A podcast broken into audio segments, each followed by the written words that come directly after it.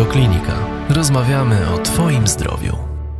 Pani profesor, e, jeśli chodzi o naciśnienie, jest to e, badanie obowiązkowe dla każdego dziecka, natomiast e, w przypadku pomiaru stężeń cholesterolu we krwi dziecka, czy też u każdego dziecka powinno się regularnie takie badania wykonywać, czy tylko u dzieci z grup ryzyka? W tym względzie niestety nie ma naszych polskich zaleceń.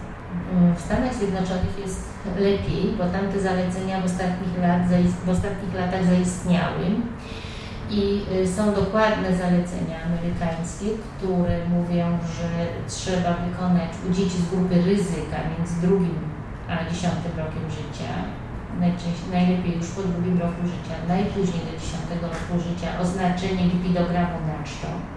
U dzieci z grupy ryzyka, czyli takich, u których wiemy, że jest rodzinna są rodzinne zaburzenia gospodarki lipidowej, u których wiemy, że są choroby takie jak zawał serca w młodym wieku, kobiet poniżej 55 roku życia, mężczyzn 65 roku życia, jeżeli w rodzinie jest choroba nadciśnieniowa, jeżeli w rodzinie jest cukrzyca. E, wówczas te dzieci, które mają ten czynnik ryzyka, są badane i mają dokładne oznaczenie lipidogramu między drugim a dziesiątym rokiem życia. Natomiast w Stanach Zjednoczonych zalecenia amerykańskie są w tej chwili takie, że u każdego dziecka należy wykonać przesiewowe badanie, przesiewowe badanie cholesterolu całkowitego. Tam wylicza się jeszcze taką frakcję nie HDL, bo to są te, główne parametry, które ukierunkowują później nasze postępowanie dalsze.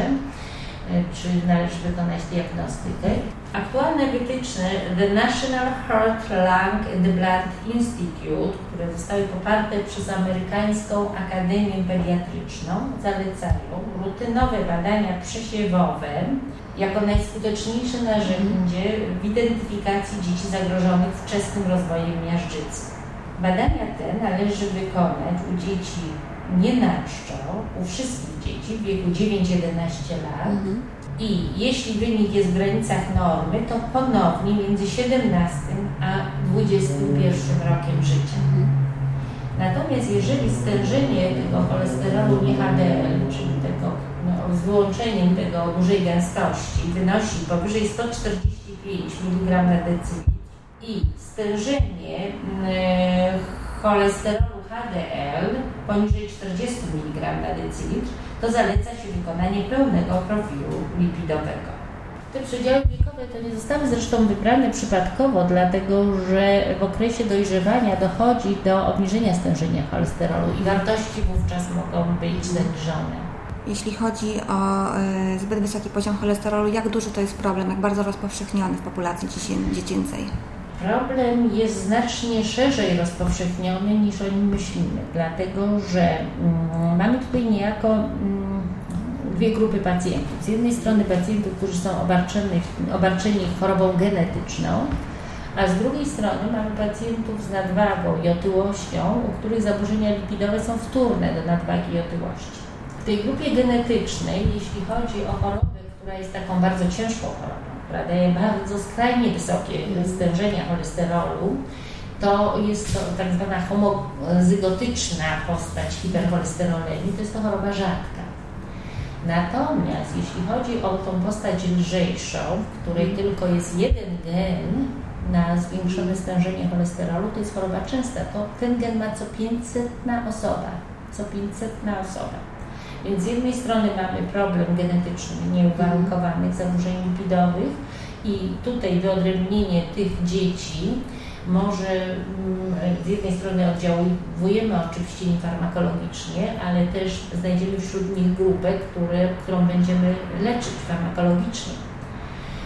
I tutaj znalezienie tego konkretnego dziecka z tą chorobą powoduje też, że mamy do zbadania całą rodzinę i możemy tym działaniem zarówno profilaktycznym, jak wówczas, kiedy trzeba również farmakologicznym, objąć całą rodzinę. A więc to znalezienie, poprzez znalezienie dziecka powodujemy, że znajdujemy osoby, które już są chore, a o tym w ogóle nie wiedzą.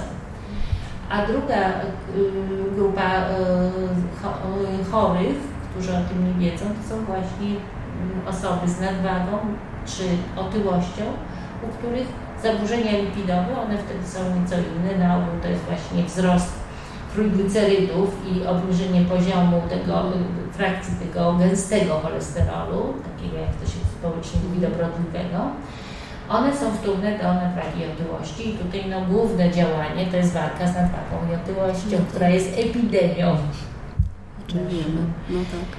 w naszych e, latach ostatnich. Co się stanie, jeżeli dziecko ma wysoki poziom cholesterolu, ale on nie zostanie rozpoznany, w związku z tym nie, są, nie wdrożymy żadnego postępowania terapeutycznego? Yy, czym to grozi? Jakie mogą być konsekwencje takiego stanu rzeczy? Wysokie stężenie cholesterolu prowadzi do tego, że zaczyna on się odkładać w naczyniach. Tam odkładają się złogi cholesterolu, komórki piankowate i w efekcie dochodzi do rozwoju miażdżycy. Tworzy się blaszka miażdżycowa, potem naczynie się zwęża, usztywnia, a efekt końcowy to jest właśnie zawał serca czy udar mózgu. Także dochodzi do ciężkiej choroby na bazie właśnie zaburzeń lipidowych, które są jej przyczyną. Czyli lepiej mm, mierzyć. Absolutnie. Najważniejsze właśnie jest y, znaleźć wszystkich, którzy są tą chorobą zagrożoną, bo wtedy możemy tej chorobie zabiegać, zapobiegać. A zapobieganie mm, no, ma dużo większy wymiar y, w ogólnopopulacyjnym y, aspekcie niż leczenie. Jest dużo tańsze. Natomiast to, co robimy teraz, żeby znaleźć tych pacjentów, wyodrębnić i odpowiednio zastosować metody prewencyjne, to dopiero w kolejnych pokoleniach będziemy mieć efekt. I to na przykład pokazuje tą trudność działań prewencyjnych, dlatego że zawsze jak coś robimy, to chcielibyśmy od razu zobaczyć, jaki jest efekt końcowy. A tutaj na ten efekt trzeba będzie z kolejnym pokoleniem poczekać. Ale to jest ten najważniejszy efekt, bo po pierwsze, wszystko co robimy w sensie profilaktyki czy prewencji u dzieci ma największy efekt, bo robimy wcześniej, kiedy te zmiany są nieutrwalone. Wczesne zmiany, blaszki miażdżycowe się całkowicie mogą wycofać te zmiany, te zmiany mogą w ogóle zniknąć. One nie tylko możemy je zahamować, ale możemy je również absolutnie mm, spowodować, że ich nie będzie. Natomiast jeśli zaczynamy działać na etapie późniejszym, jeżeli zaczynamy działać już u dorosłych, to głównie leczymy. Stąd tak ważne, żeby właśnie zacząć wszystkie działania prewencyjne odpowiednio wcześniej, czyli u dzieci.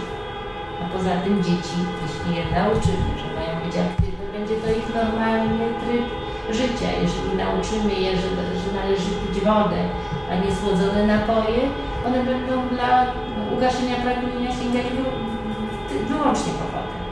Jeżeli je nauczymy, że aktywność fizyczna jest przyjemnością, to one nie będą musiały się kontrolować, tylko będą miały naturalną potrzebę rozwijania tej aktywności ruchowej, a aktywność ruchowa jest właśnie jakimś takim naturalnym w ogóle E, stylem życia dzieci, które potem zatracają. Raz, że my pokazujemy niejednokrotnie zły przykład, a po drugie no, mają też takie różne źródła atrakcji, jak komputer, telewizor, które je od tych ruchowych działań odciągają. Czyli tak naprawdę aktywność ruchowa, zdrowy styl życia, odpowiednia dieta są takie najskuteczniejsze lekarstwa, można powiedzieć w cudzysłowie, które nie szkodzą, ale bardzo mogą pomóc. Żaden lek ich nie zastąpi, ale one mogą zastąpić nie jeden lek. Jasne, to jest najważniejsze.